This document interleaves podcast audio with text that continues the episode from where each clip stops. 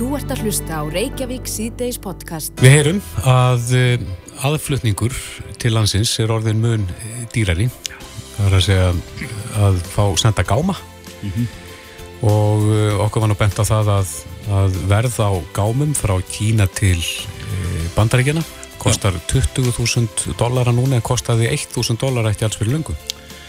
Já, já, Þetta er gríðarlega hækkun. já, og það einhver stæla að sé að, að, að bandarækjumenn sem tóku við vöru frá Kína eh, söfnuðu saman eh, gámanum og, og hamstruðu og held aftur að sér komuð, komuð þessum þætti í flutningu mikilvæga í, í, í svona í var og til þess að vesla með það já. En með veltaði fyrir sig hvort að það séu uppsiglingu óða verðbólga svona miða við þessar hækkanir. Já, Andrés Magnússon, frangotastjóri samtaka Veslunar og þjónustu, er á línunni, kom til sæl. Sælir. Já, hvað segir Veslunin? Er, er, þið finnir vantala fyrir, fyrir þessum hækkunum? Já, við erum náttúrulega búin að fylgjast með þessu máli raun og veru allt þetta ár og það er leigið fyrir, já, alveg síðan í byrjun ás að uh, það uh, hafa verið hækkanir á uh, fraktflutningum á lengri siglingarleðum um heiminn. Það því okkur varðar hér í Evrópu snýr þetta fyrst og fremst að, að, að flutningu frá Asíu til Evrópu. Það hefur og bara strax í upphafi COVID-faraldursins tók að bera á frambóðskorti á flutningamöguleikum á þessari mikilvægu siglingarleið. En hvað er það sem að, sem að veldur þar? Er það skortur á gámum eða er, eru flutningafyrirtækin að skrúa verðu upp? Það er, það er margskonar ástæður, meðal annars eh, ein ástæðan er svo að í upphafi COVID gerðu stóru skipafélagin sem sigla á þessari rútu ráð fyrir eh, eh, verulegur samdrætti í, eftirspurn eftir vöru frá þessum svæðum. Þannig að umtalsverðum eh, fjölda af eh, frakt eh, flutningaskipum var lagt.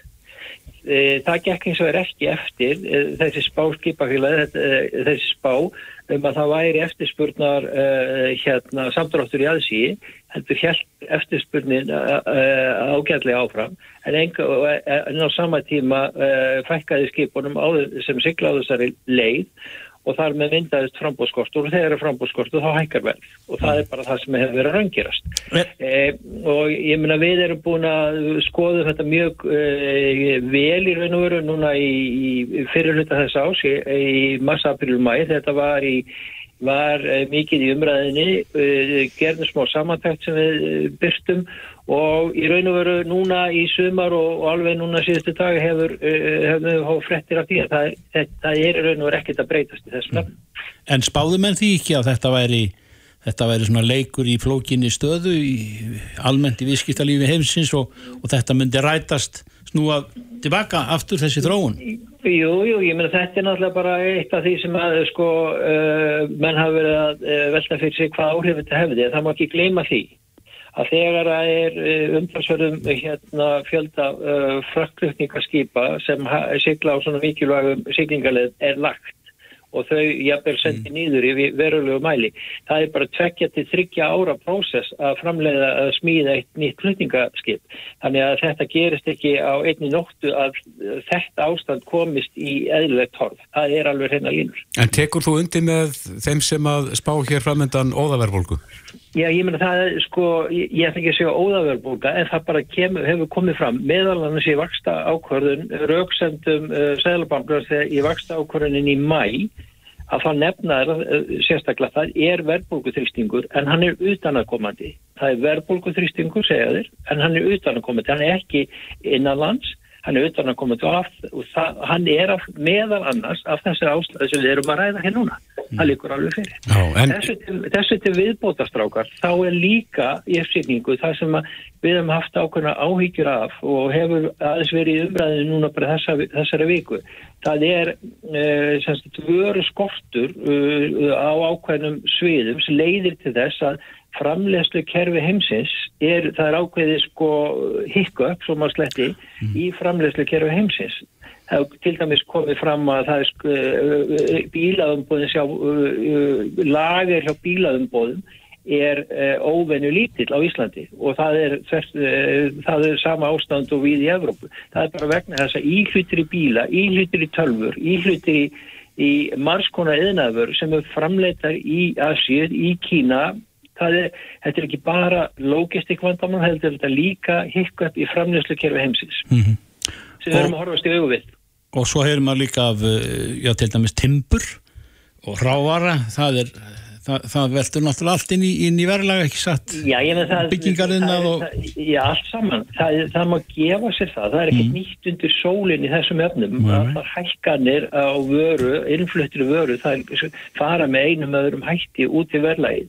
Það er hins vegar þannig að það er ekki hægt að segja sér frambá, eh, ekki frambáskortur á byggingavörum. En hins vegar hafa eh, hérna, einflutnisfyrirtækin í byggingavörum verið að horfast í augu við fordálmarslausar hækkanir á þeim uh, vörum, B- timbri, eh, stáli og öllu því, perfetti. Þessar stóru, þungu framlýslu vöru fyrir byggingaðina. Það ber alltaf sama brunni í þessum öfnum. Það er, það er COVID-faraldurinn hefur haft ófyrir séð áhrif á ímsa þætti í viðskiptakerfi heimsins, uh, hvort sem það er flutningar, logistik eða bara almennar uh, almenna, almenna framlegslu á almenn vinnaður. Mm. Erum við að horfa fram að það Andrés núna á, á næstu vikum og mánuðum að vöruverða eftir að hækka töluvert? Ég, með, ég vil ekkert uh, úttala mig um það, ég vil bara segja þetta almennt, það sem við erum að horfast í augu við er, er þess eðlist að það er ástæði til að hafa vakandi auga með því og hafa áhyggjur af því. Já, og þetta er ekkert sem er að fara að lagast á næstunni segur, það tekur tíma að, að smíða skip. Já, það er, eng, það er engar vísbendingar sem menn sjá í augnablikinu. Við, náttúrulega, skipafélagin eru hérna félagsmenn hjá okkur. Þau upplýsa okkur alveg um þessa stöðu. Þannig að þau náttúrulega eru með uh, samninga við, við fyrirtæki sem er að flytja skipafélag sem er að sigla á þessum löngu leiðum. Þau, þau eru í erfiðri stöðu augljóslega og eru náttúrulega að reyna sitt besta til að ná vörunum hérna heim hérna meðlegum hætti en, en það bara af þessum ástæðu sem við erum að ræða hér núna gengur það ekki eins og skildi. nei, og hækkandi vöruverð stila sér í herri vísitölum sem að hækka síðan aftur á móti lánin okkar. Það er ekkert nýtt undir sólinni nei. Andrés Magnússon, framkvæmtastjóri samtaka Veslunar og þjónustu, kæra þætti fyrir þetta. Þú ert að hlusta á Reykjavík síðdeis podcast. Umhverjastofnun hefur séð ástæð til þess að svona ítreka það að fólk síni náttúrinni virðingu þarna við góðstöðunar og hafa sett inn eh, efni og myndir svona til þess að undistrika mál sitt. En eh, á línunni er Inga Dóra Hrólsdóttir, hún er sviðstjóri náttúruvendar hjá Umhverjastofnun, kom til sæl. Sælinga Dóra. Sælir. E, já, hvað rekur ykkur til þess að, að setja áminningu á neti hjá okkur? Í rauninni er það bara svona ekkert sérstætt akkurat núna, heldur erum við bara svona að vekja almennt aðtegli á þessu Já, að, að náttúrulega busja frá örgisatriðin sem er náttúrulega nummer 1, 2 og 3 að þá er svona ímis umgengni við uh, þetta nýja hraun sem að við töldum ástæðu til að vekja aðtegli á og vera ekki að, að skemma ásýnd hraunsins og, og rauninni að hérna þetta er náttúrulega einstakar náttúru minjar sem er að uh, sem er að myndast þarna og, og ekki vera að grípa fram í uh, fyrir náttúrunni og með skemmtum. Það er ekki út af því að menn eru að vil að stunda þarna matseld og steikja sér hambúrgar og annað á, á storknuðu yfirbo- yfirborði. Já, ég hugsa að það sé nú mestmægnis öryggisatriði en, en það sem við erum að vekja aðtekla á er í rauninni fólk er að kasta rusli þarna og, og, og grjóti og, mögulega króta á raunin sem að þýðir náttúrulega sérstaklega líka bara uh, vekja aðtekla á öryggismálum í sambandi við þetta. já. En uh, sýnir fólk að ykkar mati ekki nægilega virðingu þarna á, á svæðinu? Jú, almennt teljum við það, Al, algjörlega og, og þetta er bara kannski einstakar tilvík sem við erum að tala um en þau eru þannig að þau sjást og, og uh, hérna og allir sem, að, sem að eru þarna og að skoða raunnið að, að þessir örfáu sem að e, fara í það að sína þess ekki nægilega virðingu að, að það er þá eh, á kostnað annara sem vilja skoða þetta, e, þessar náttúruminjar sem er Já. að verða þarna til. En uh, það eru landverðir það ekki þarna á svæðinu? Jú, Eru þeir á ykkar vegum?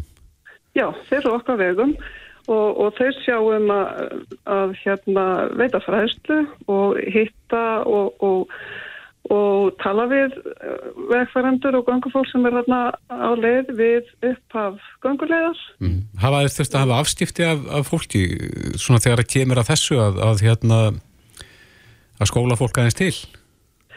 Nei, þau hafa ekki gert það. Það er, það er hérna, kannski ekki við, við sveinu. Þetta er, þetta er aðalega fræðsla e, varandi örgismál og já, líka hvernig e, varandi umgengni. Mm. Þannig að ekki, ekki beint e, afskipti. Hafa verið einhverja merkingar á gangulegðum eða vinsamlegast aðtvíð og, og svo framvegis einhverjar ábendingar? Nei, það hafa ekki verið slikar. Nei. Er, er til dæmis uh, alveg á hreinu að, að þeir ellendu ferðarmenn sem er að koma þarna kannski í fyrsta stífti að, að þeir viti að það megi ekki ganga upp á raunuð, storknað? Um, sko, það er náttúrulega fyrst og fremst örgisatriði, sko, Já. og þetta eru landverðir sem að sem að hérna leiðbeina og fræða þá sem að er að leggja stað þarna í þessa göngu. Já, en ákans ekki eirum allra? Nei, ná kannski ekki eirum allra, uh, þannig að, en það eru upplýsingar á heimasíðu umhverfstofnunar, en, en það er alveg rétt og það ávið um, mjög margt eh, varðandi erlenda ferðarmenn. Það gæti kannski þurft að, bæta þessu upplýsingargjöf, þannig að, að það fara ekkert að milli mála að það sé hættulegt að fara upp á raunnið. Já, ég held að það sé aldrei tækifærð því og, og í samstarfi við almannavarnir. Já mm -hmm. en þið teljið svona þörf á, á því að, að nýttja þess á þessu að hvernig á að umgangast svæðið Já, við teljum þetta svona bara svona alveg ágætt að vera með öðru kórus umræðu um þetta og ekki aðtikli á, á þessu málum. Er fólk að umgangast hraunið eitthvað leiti þannig núna að, að þetta geti séð á þessu bara til framtíðar? Það, það getur mögulega verið með þá þessu króti þá eða? Já, til dæmis. Og svo, og svo bara grjóti sem erum að henda henda hann í. Já, akkurat. Já, króti náttúrulega sést líka mjög vel. Um aldur og æði Já, já. Já, líklegast en, en kannski ekki alveg æði en við vitum, við vitum það náttúrulega ekki Nei, nei, akkurat. en það við vitum, þetta er óþarfi að gera þetta. Við sýnir svona á, á myndinni sem þið látið fylgja með þessari frétta að þarna hefur eitthvað svona krótað út hjarta. Já. Þannig að einhverju elskendur hafa verið þarna á ferðinu og vilja svona... Orna sér við raundtúkurna og, og, og merkja sér hana. Já, akkurat. Já, Innsikla ástina við góðstöðunar. Mm. Já, já, já, akkurat. Inga Dóra Hróstóttir, sviðstjóri náttúruvendar hjá Umhverjastofnun. Kæra þakki fyrir þetta og góða helgi. Takk. Takk sem að leiðis. Þetta er Reykjavík C-Days podcast. Þegar nú höfum við lifað með COVID í um tvö ár, tæp tvö ár. Já. Og ímislegt uh, hefur nú svona, ég menna verið að læra svolítið á, á þessari leið. Mm -hmm. Heimurinn orðin sérfræðingur í veirufræðum, má segja. Já, einhver ný veröld sem maður, það er erfitt að ráði hana. Já. Finnst mörgum og ég er nú ekki, ég er einn af þeim. Já. Nú einn af þeim sem hefur fylst vel með gangi í mála mm. þegar það kemur að veirufræðum og COVID er Jón Magnús Jóhannesson, sérnámsleiknir í lífleikningum hjá landsbytalanum sem við höfum rætt reglulega við í gegnum þetta fár og mm. Jón Magnús er á línu, kom til sæl. Sæl, Jón. Sæl. Já, alltaf eitthvað nýtt sem við erum að, að læra um uh, þessa veiru. Hvað er það nýjasta? Það, þetta er stórstu spögg. Um, það eru nokkur hluti sem við getum hórt á. Það er í fyrsta lagi uh, núna þegar uh, mismandi þjóðverð, hann á mismandi þekkin bólusendinga, þannig að bólusetja mismarga einstaklingi sinu samfélagi, þá erum við að sjá uh, hvað áhrif bólusendingar hafa á dreifingu og fyrir það fyrsta þá er augljóst bara sama hvert litið er að bóluefnin sem við notum COVID-19 eru kýfulega ánangusrík í að koma í veg fyrir sérstaklega alvarlegan sjúkdóm vegna COVID-19. En við erum líka að sjá að bóluefnin þó þau kom ekki í öllum tilfellum í veg fyrir svo að það fólk síkist þá er þetta samt einleið til að minka dreifingu uh, hlutfalslega með og bólusetta á.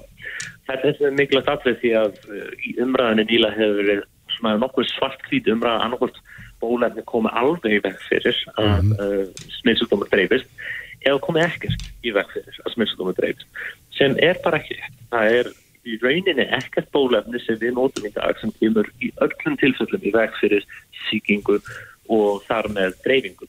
Er einhver lönd, Jón Magnús, sem að eru sem komið vel á veg við það að gefa þriðja skamtin, þannig að örfun á skamt? Það er ekki mörglönd að fylgjum til, við erum með þeim allra fyrstu sem eru að gera þetta. Og náttúrulega sitt síns hverjum það. Náttúrulega var að koma út þannig að halvþjóða helbriðsmálstofnunin mælir gegn því að nota viðbóta skamta og ég er uh, á því máli.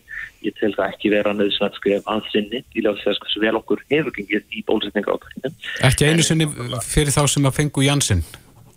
Já, því að eins og stanum núna og ég get skilið hins að sjónum að móti og þetta er ekki þannig að það er eitt rétt svar þeir sem hafa fengið Janssen fengur þá eitt skamt og það lág fyrir að á einhverjum tímapunkti þurfu aðrunar skamt. Uh, við þurfum þá að horfa á hversu vel gengur þessi einum skamti af Janssen bólefninu og við erum að sjá að gegn þetta afbreyðinu og gegn þetta afbreyðinu þá viskar Janssen mjög vel í að koma í veg fyrir alvarlegan sjúkdóm. Við verum að sjá þetta endur tekið og í ljósi þess að veru, það eru ótalmörgland í kringum okkur sem hafa ekki náð að bólusetja nema brótabrót af sínu samfélagi þá finnst mér það kannski í skjótaskakku við að við forgámsum því þegar við vitum að þessi bólefni virka og sé að í öll fyrir alvarlega sjúkdóm í mhm. yfir næfandi meirur hluta og sérstaklega það sem að Jensen einstaklega á bólstum í Jensen eru svona alla jefna í, í yngri hristar í hópnum þó það sé alls ekkert einslít. En Jón, maður, maður heyrir oft spurningar að þessu tægi hvenar tekur þetta enda svona náttúrulegan enda eru afbreyðin bara í byðröð þegar delta er búið þá kemur eitthvað eitthva annað, gamma eða ég veit ekki hvað einhvert nafn tengt við hér að eða eitthvað.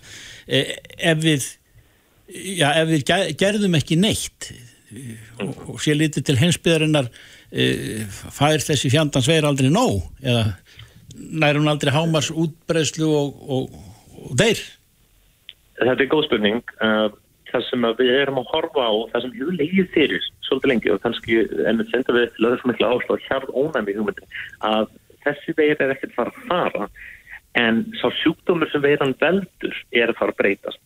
Um, svo spurningin er þá hversu lengi tekur það tíma? Við það sem við viljum sjá og það sem mun gerast er að þess COVID-2 veiran sem veldur COVID-19 mun valda vægari sjúkdómum í tímanum þegar að uh, hjarðónami ykst og hjarðónami þá er ég að meina bara magnónæmis í samfélaginu óháð því hvort það verði engi dreifingi ekki.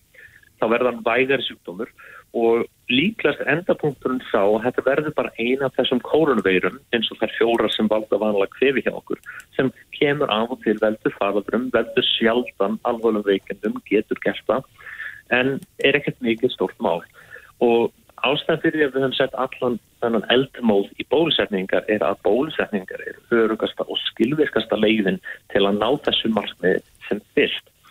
Í miður þá er það þannig að við erum ekki að ná til alltaf eh, sem þurfa á bólusetninga halda og svo er það þannig að þetta gerist ekki 1, 2 og 3. Svo það verður alltaf einhverju sem eru ekki bólusettir sem munu verða alvarlega veikir. Það eru örfáir sem eru bólusettir sem geta orðið alvarlega veikir. Þetta er ekki 100% vörð þó þetta sé mjög nála því.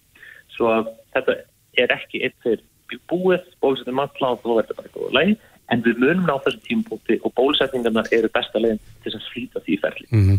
En það kom í ljósi í máli Katinar Jakobsdóttur fósættisáþurra uh, sem að varpa var út á, á hérna vísi núna fyrir dag mm -hmm. að um 27.000 manns sem hafa fengið bóði bólusetningu hafa ekki þegið hana. Mm -hmm. þetta er, er ansið mikill fjöldi, 27.000 manns. Hva, hvaða rullu getur það spilað í öllu þessu spili að, að svona stór partur þykki ekki bólusetningu?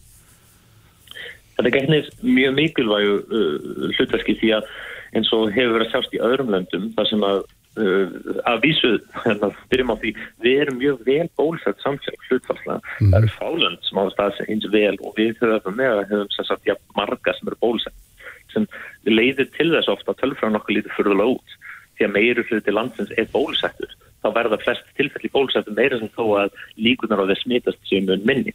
Þetta er svona hljómar fyrðulega en bara við erum næst í þannig að við erum fornála baka einn velgengni að þannig lítið tölfræðin á mjög rugglandi hátt út.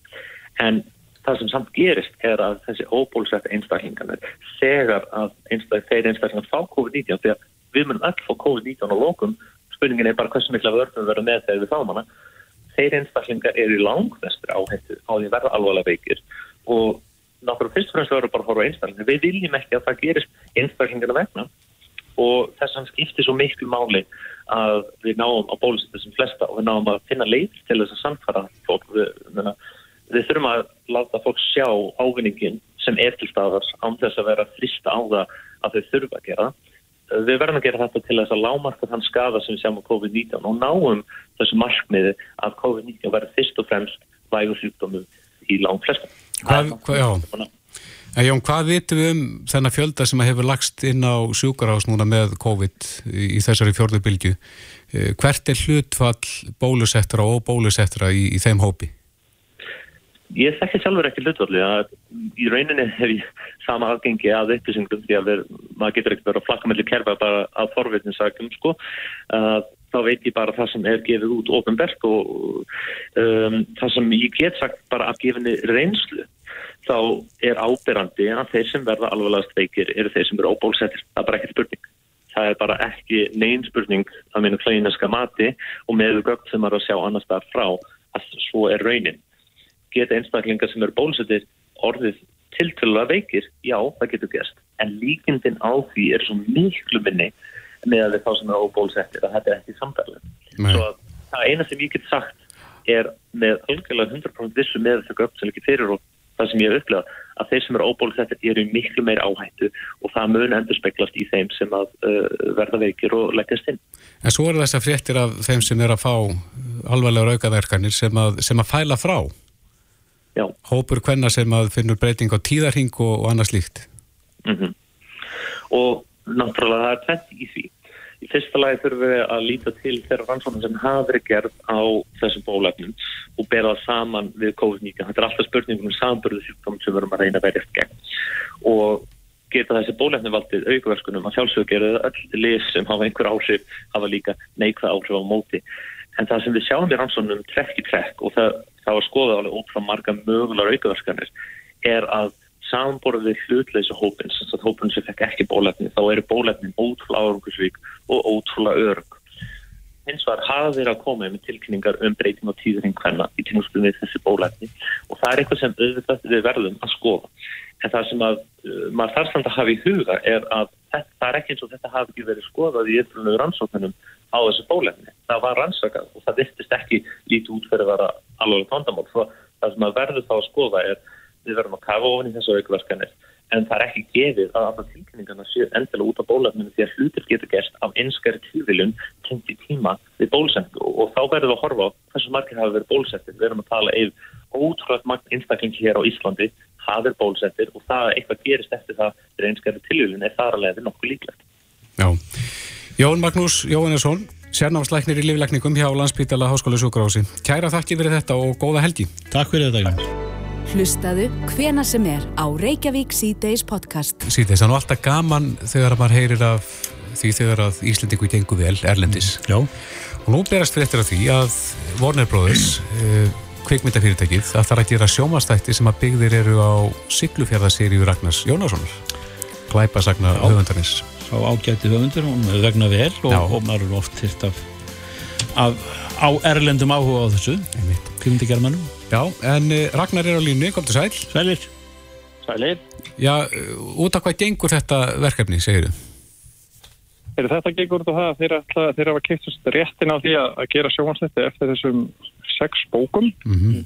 um að nara á Siglufjörði og hérna, þetta er nú vera í bíkerið í að mista okkur sér halvt árið eitthvað þá við byrjuðum að, eða þá þeir höfðu samband við okkur vonar mm -hmm. og hérna og loksast frá gengi og klappaði klart í dag. Og hérna, en þetta þýðirurinn að þeir hafa þá e, þeir hafa þá rétt til þess að gera þætti eftir þessu í eitthvað tíma hérna, og ég ber síðan að þeir, þeir gerir það þeir eru mjög, mjög áhuga saman um þetta Og tökur farið þá fram hér á Íslandi? Já, það veit ég ekki nefnilega. Það er, mm. hérna, það er eina, eina ráðkaparar mér, sko. Ég, hérna, nú setjum maður þetta bara í hendunar á sérfæðingunum mm. og hérna, þeir var svo sem ekkert, það hefur ekkert verið rætt endilega, en Nei. það verður þetta frábært og mér finnst það nú líklegt. Þá er það ekki eitthvað yngad en, en sko sex bækur Ragnar eh, og ef þeir tækju þetta nú upp eh, stórum hluta til hér heima þá, þá er nú bara siglufjörður pakkaður í nokkur ár. Já, það verður bara frábært, það verður frábært, það verður hægt að gera þetta siglifyrir, ég held að það er náttúrulega draumurinn hjá mér að- að- Já, ég veit það, Já, En það er svona, minn, næstuði minn heima bær, kannski, þó ég hef Já. ekki búið það. En getur þú farið hans yfir það með okkur um hvað snúast þessar sögur? Það er sem sagt, hérna, já, byrjuði árið 2010 þegar með bók sem heitir Snjóblinda og það var um Ara Þór sem er lauruglumæður sem flyttur til Siglufjörðar og er að- sitt fyrsta verkefni í lauruglu að flytja til Siglufjörðar og, og búa þar yfir vetur. Og hérna og, og upp frá þessu ég segi, urðu þeir fimm bækur í viðbót yfir nokkur ára tíðangel og hérna það er við fylgjum sér bara með Ara á Siglufjörði og það í kring, þetta gerir svona ekki bara þannig meina bæ heldur uh, Héðinsfyrði og, og alveg yfir í Skagafjörðu og Akureyri og fleiri, fleiri stöðuna þetta er svona, þetta er svona Norðurlandið er svolítið undir í þessu. Norrlenska hálendið? Já, já, Og er það áberandi í sögunni? já. Eða þessum sögum? það er það, þetta er nú svolítið mikið ég reynum alltaf að hafa, hafa sögur sem er svolítið persónu í bókunum ef ég get því að hérna, maður hefur þau forréttind að vera að vera að skrifa bækur sem gerast á Íslandi og við hefum þessa náttúru og þessa þessa fallegu staði og, og, Já. og, og, og, og allt það, að maður verður aðeins að nýta það, þannig að já, ég, ég skrifa það mikið inn í og sögu, og sögu bæjarfélagsins og, og svona sögulegan fróðleikina veitir. Ert þú í engum færum til þess að hafa áhrif á, á framvinduna þegar að svona er um gargengi búið að semja við þig og Já, já, kannski eitthvað svona, eitthvað, eitthvað örlítið kannski. Já, að sagan gerist ekki horsens í Danmörku eða... Já, já, kannski eitthvað svo leiðis. Já, við viljum fá landslæðið hann inn Já, það fáum við í bókunum Ég held að það sé nú líka kannski það sem þeir eru ekki, ekki síst að kaupa er, er Ísland, þannig að við gera ráð fyrir að þeir, þetta verður nú gert á Ísland. já, en eh, á ensku, vantarlega? Það er önnur góð spurning. Þetta kom nú, frá, kom nú í gegnum þíska armvonar, þessi áhuga uppalega. Já, já, Þetta verður á ennsku eða þísku eða íslensku, það er bara, það er ómöld að segja. En ég aftur, ég myndi nú aftur veðja á ennsku, bara, það er nú eftirlega, hérna, að, aðgengilegasta tungumálið, ef mann vilja koma svo í það. mm. Er eitthvað gefið upp hversu virði þessi samningur er? Nei, það, það var nú ekki gefið upp. sko. Nei, eh, Ragnar, ert orðin ríkur á þessu? Nei, nei, Ekkert mjög bara eitthvað að, að undan við þetta. já. En við erum nú reynda að koma inn á það áður að þú ert alin upp af, af Akutu Kristi. Já, já, Það er svona, eh, er ekki það sem að áhigðin á glæpasögum byrjar? jú, það er það. Og hérna, Þú þýttir þær sögur hérna í gamla dag? Já, ég þýtti þær í mörg ár og, og, og er enn að lesa þær aftur og aftur og ég vil lesa þær allar. Hvað, ertu, hvað varstu gaman? 14 ára eða ekki? Þegar ég var 17 ára þegar ég byrjaði að þýða það hérna skáldsögurnar. Ég var örgulega 14 ára þegar ég byrjaði að þýða smásögur fyrir vikuna. Já, já, já, já. Svo að þýða heilu bækurnar 17 ára. Þetta var náttúrulega allt ungt og ótrúlega eitthvað hafið tvist manni fyrir þessu. Þetta, Þú hefur verið á unga aldri sannkallaður bókaormur já, já, er ennþá. Ég bara Já. að lesa og vesla bara. Já, já hvað ertu með í smíðum núna? Er, er ekki eitthvað verk á tekniborðinu? Jú, það er, það er í rauninni bara tilbúið. Það er bók sem hann kemur út í nóvambur og hérna gerist, hún, hún ekki hluta þessari seríu eða neitt annari seríu, hún hérna bara svona stök og gerist upp á hálendi Já, í, í, á rjúknaviði á vinahópi, fjórir vinir sem fara, fara hérna, eða helginni saman og, og hún gerist alltaf á einni eiginlega á einni nóttu. Í, í nóvambur.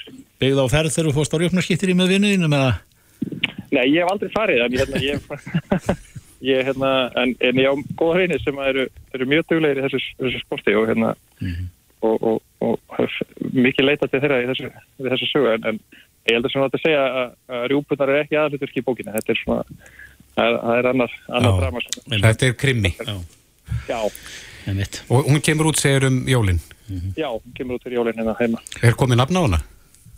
Heyrðu, já, eh, hún heitir Úti. Já. Úti. Já, Já, En þú ert alltaf vinsallið það ekki í Þýskalandi, sérstaklega? já, þetta gekk mjög vel í Þískalandi í fyrra, það var hérna og, og, og það- já, þetta var svona stóra árið þar og, og, og það gengur eða bara vel þar, það er komið ný bók þar í nóvamberi mitt líka, eldri bóku Er það eitthvað eh, þessi menningatengli gegnum ritverk eh, Þískaland, Ísland eh, þau eru sterk. Já, þau eru mjög sterk. Þetta er nú yfirleitt fyrsta landi sem að íslenskur höfundar eru getnir út í elendur og það var sama fyrir, það gerðist í minn tilvægi líka það, það eru tíu ár sér að það var og, og Já, já. hérna, en það var ekki fyrir henni fyrir sem að kannski svona voru allt hérna að dettir á meðsvöldlista þannig að það tók tíma. En, en þeir eru mjög fljótir og opnir fyrir, fyrir þýðingum. Hérna, eh, sem er mjög jákvæmt það er kannski þjóðverður og frakkar sérstaklega opnir fyrir þýttum bókum Já, og heyrir af erlendu ferðamenn sem koma hérna til þess að skoða sögurslóðir þínar? Já, bara mjög reglulega Já, mjög reglulega hérna, ég vildi að ég væri meira á siglum fyrir þá getur maður kannski já, já. hitt, hitt á fólk en, hérna, en það, ég hef ekki verið, ekki verið nótuður að fara norður í sömur Nei, en það verður spennandi að sjá hvernig Warner Bros. Uh, matriða þessa siglufjörðaseríu þína. Já, ég er sammála, ég, ég býð mjög spenntur eftir því já, já. Húsavík á Eurovision og, og, og Ragnar í, í rítverkonum. Þetta er bara íslenska norðrið. Já, já, mm, það er bara frábært, hverki betra að vera Nei, en til hamingi með þennan samning og, og vegniði vel. Reykjavík síðdeis á Bilginni podcast. En við ætlum aðeins að staldra við á uh, COVID-19 göngudild landsbítalans. Rúnólu Pálsson, yfirleiknir og þeirri dild, er á línni, kom til sæl. Sælir. Hvernig er staðan á þinni dild í dag? Það er bara eins og hefur verið að undarförna. Það er, það er mikið anríki. Það er náttúrulega stór hópur fólk sem er í, í umsjá sko deildarinnar og er í eftirliti og er að koma inn til skoðunar og þannig að það er, þetta er, aukist náttúrulega mjög undarförna daga og vikur. Já, en uh, COVID-göngudildin gengur í svona stuttum af það að fólk er svona dvelur heima hjá sér að megnunni til eða ekki. Jú, þetta er þjónustöði þá sem að eru út í, út í samfélaginu. Já, og uh, þetta er sko það er náttúrulega annars vegar síma þjónusta og svo hins vegar kollum við inn til skoðunar einstaklingar sem eru með mikil enginni og þurfum að meta nánar og sumu tilvíkum er þeir laðir inn á spítala mm til uh, svona nánari vöktunar og meðferðar. Já, en þetta er sem sagt þetta er ansið umfásmikið síma þjónust það er hringt í alla uh, hérna uh, sem greinast. Það er sem sagt haft sambandi á sínleis eins fljótt og auðvið er og farið yfir svona málin með þeim og, og, og staðað þeirra konnuð já, Við vorum með mjög uh, umfangsmikið síma eftirlit má segja í fyrst- í svona fyrri bylgjum. En núna er, er, stór hópur ungra og höstra einstaklingar sem eru með sem sagt, full bólusettir og hafa, hafa mjög lítið lengjani þannig að við höfum dreigið mjög úr sko eftirliti við Já. þennan hóp og einbeitum okkur af þeim sem eru veikari. Ég ætlaði mitt að spyrja átti það svona samanbörður á milli eh, þessara bylgna, það er að segja fyrstu, annara, þriðju og svo núna fjórðu. Eh, Hver er helsti munurinn? Já, munurinn er kannski helstu sá að, að, að það er þetta stór hópur fólk sem er, er, er svona nokkuð ungt og, og eh, er svona öðru undir kannski 40-50 ára aldri eh, sem að er fullt bólusett og hefur mjög lítil. Það meira og, og, og þeir sem að hafa eh, svona alvarlegri, eða verða fyrir alvarlegri veikindum að þeir eru svona hlutfærslega séð miklu færri en hins vegar hefur þessi bylgja núna að, uh, sko, að þessu delta afbreyði hefur skollið mjög harkari á okkur eins og þess að hefur komið fram og gríðarlega svona, uh, sko, mikið fjöldi smita sem er að, hefur verið að greinast á hverju degi að undanförnu þannig að þó svo að hlutfall þeirra sem að veikjast mikið sé lægra en áður að þá er, er þetta samt undanförnu fjöldi fólk sko að því að, að því heilda fjöldin er svo mikil Mm En hver er, hver er hlutvöldin? Það er að segja hlutvöld þeirra sem eru bólusettir og óbólusettir.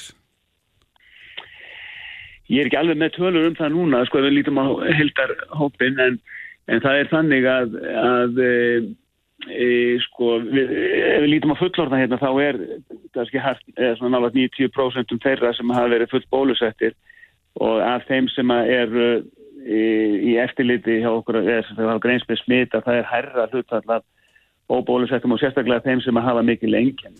Er hærra hlutvöld af óbólusettum í eftirliti hjá Já. ykkur? Já, sko hlutfallslega séð, skilur, það er það að segja, það er sko hlutfall þeirra sem eru, eru bólusettir í samfélaginu kannski um 90% en það er, en eh, það er kannski eitthvað nálagt í, myndi ég segja, ef við tekur alla smita núna, sérstaklega þeir sem að veikjast meira, það er hærra hlutfall af, af óbólusettum einstaklingum í þeim hópi heldur en það sem að speiklar hlutfall óbólusettra í samfélaginu. Já, sem að segja okkur þá að bólusetningarnar eru að, að halda ykkur í leti. það er engin vafa því að bólu þessi bólusetning uh, gegn veirunni, hún sagt, dregur mjög úr alvarleika veikinda. Það er engin vafa því að því miður hefur, hafa voruð vonbriði með hvað sko, bólusetningin hefur svona dreigið mun minna úr dreifingu smits og því að fólk smitist. Já, en telur að það sé þá bólusetningin frekar heldur en aldur þeirra sem er að síkjast núna sem að orsakar það að, að veikindin eru minni og vægari? Já, já, sko við erum með um talsverðan fjöldan uh, eldra fólks núna og í okkar umsjá sem er með, með smitt og, og fólk sem er með undirlegjandi sjúkdóma og er þessum í áhættu hópi og e, þessi einsverðlingar er í meiri hættu á að veikjast rátt fyrir bólusetninguna en, en, en við, við séum það líka á þeim sem hafa lagst inn að að veikindin er ekki eins alvarleg uh, eins og var áður en, en bólusetningi kom til söguna. Það er minna um svona alvarlega lúnabólku sem að uh, krefst jafnvel uh, gjörgjæslu meðferðar mm -hmm. og en við höfum síðan hins vegar í þeim tilvikum þar sem það er átt í staða þá hefur verið meira um óbólusetta einstaklinga. Já, sem að veikjast alvarlega í kjörfarið. Já, já. Mm -hmm. Við sjáum gætnan sko núna til dæmis með þeir sem leggjast inn þá er þetta svona hvað sé að blanda auðvitað er þetta veikinda völdum uh, COVID-19 og, yfirlt alltaf lungnabólka uh, sem getur jæfnilega verið væg en svo er þetta litað líka af undirlikjandi kvillum sem hafa áhrif á sem að helda myndina, þetta voru það svo mm -hmm. uh, Varstu búin að nefna töluna hversu margir eru undir eftirliti hjá ykkur núna? Þetta er um 1400, þetta breytir svo öll það, það, hérna, við erum að útskrifa líka daga, þannig að það koma tölur á mótni og svo breytast það eins og við dagina því að ímis bætist við ný smitt en, en, en eða þá fólk eru útskrifað og er ekki þarf ekki lengur að vera í einafrun mm -hmm. þetta eru um 1400 einstaklingar sem eru núna og það er að koma e, á annan tög til skoðunar á tælum degi oh. á deildinni Telar að við séum að nálgast toppin í þessari bylgu? Það er ekki gott að segja sko ég vonaði að, að, að, að við hefum ekki séð toppin ennþá en en uh, hann gæti þess að komið eftir eina eða tvær vikur en svona það, ég held að maður geti sagt að við séum að stefna okkar, við erum að nálgast það tilitinu til en nákvæmlega hvernig hann kemur að það er ekki alveg þetta að segja það. Mæ. Rönnólur Pálsson, yfirlæknir COVID-19 gunguðeldar landsbytjarnas, kæra þætti verið þetta og góða helgi.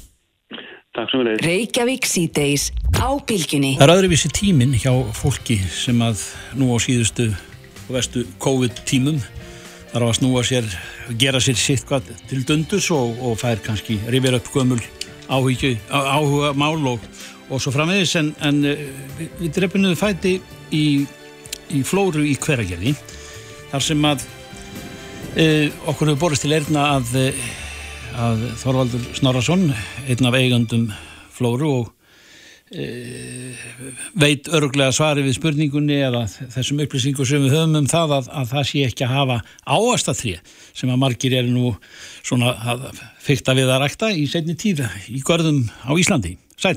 Já, sælir.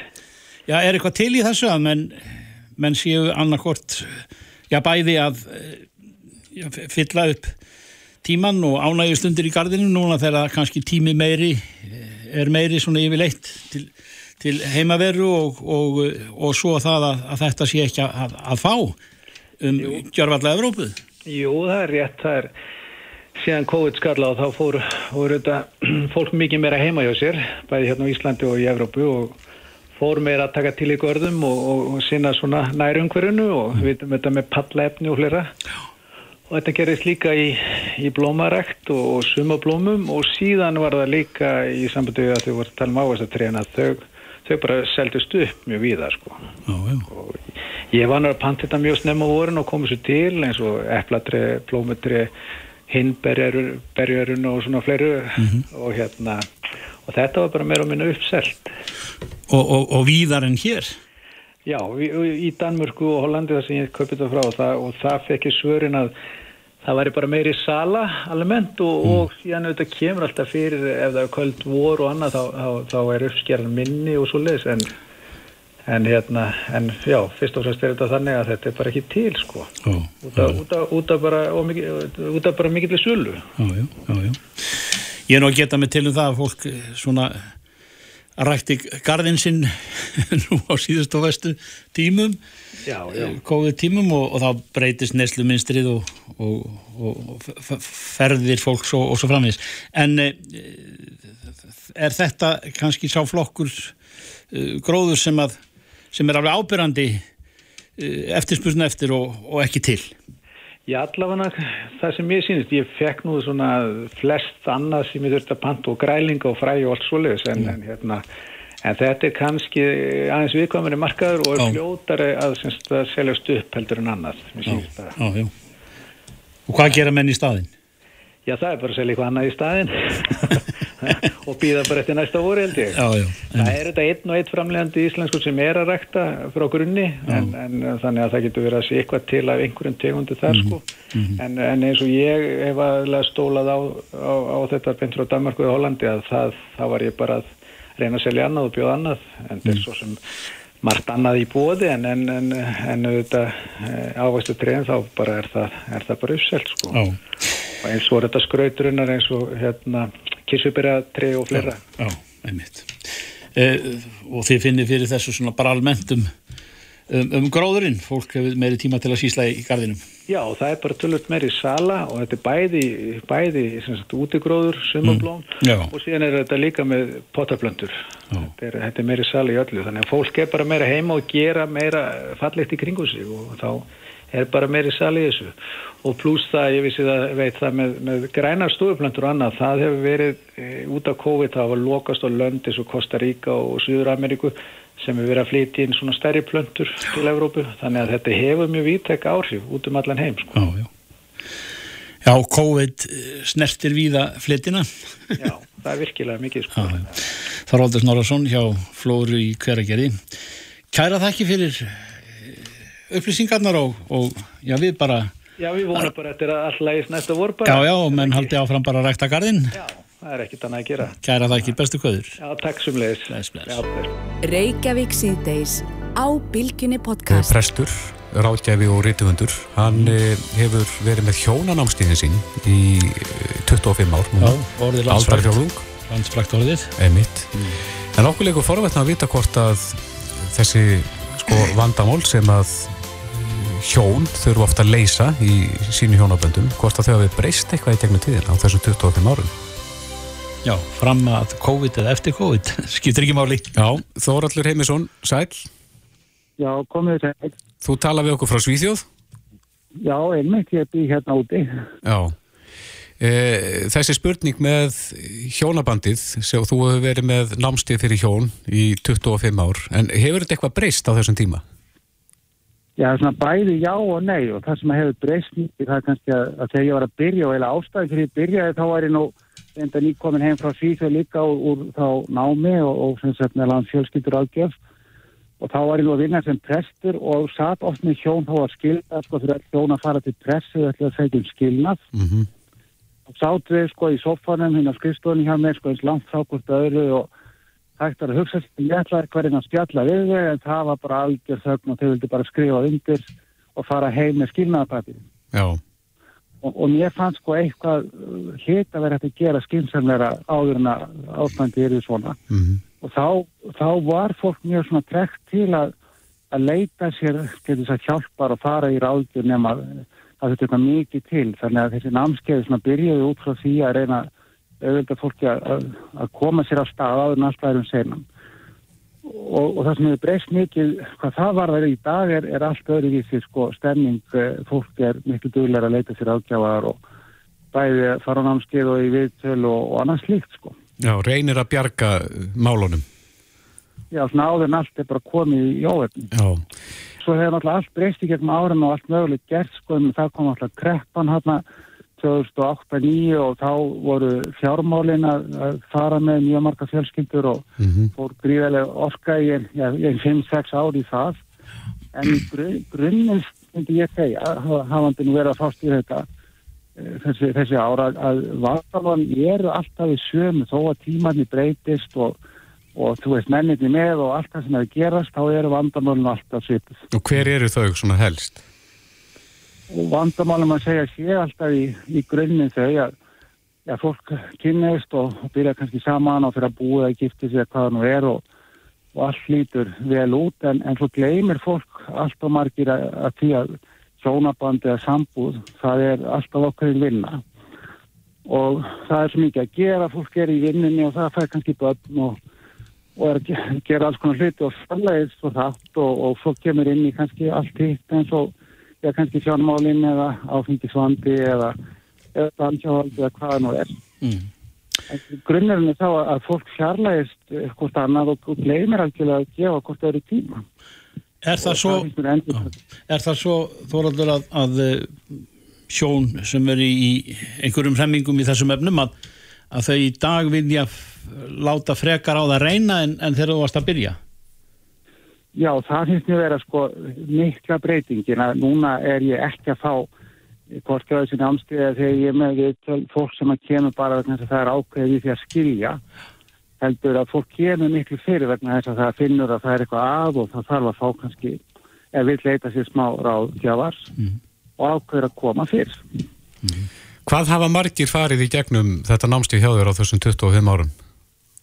Já, sko, ég veit að það hljómar ótrúlega en þetta er í kringum eh, 10.000 pör sem hafa farið í gegn Já, og það það hefur verið sem sagt alveg frá ég byrjaði með þetta þá ef ég haldi þetta öll árin nema núna á COVID-tímum þá hefur þetta leiðið neyri mm og það hefur alltaf verið, verið fullt sko öllu mm. sinna. En fylgjur þessum uh, pörum eftir? Þar að segja, veistu hver tíðnin er? Stílur fólk síðan eða, eða nær fólk frekar að bjarga uh, sambandinu? Já, svo með ekki gleyma því sko stundum er lausnin svo að skilja það, það er nú bara þannig og, og þá kannski það fólk líka hjálp með það að skilja þannig að það er ekki kannski bara að segja að lausnin sé að, hanga saman sko eða er, er kannski algjörlega vonlöst og Nei. betra fyrir Mm. báða aðeins en e, fólk fær sem sagt eftir þetta námskeið þá heldur það áfram með heimavinnu sem það fær með sér og svo getur sem sagt sem ég er búin að taka saman og uppbyggja tveggja mánu heimavinna og svo getur fólk alltaf haft samband eða vil fá frekari viðbúr og ráðgjöf. En e, Þóraldur hlutskipti barna í þessu, er, er það hið sama eða er það ítarlegra ítemi í, í öllum pakkanum eða nú en áður eða?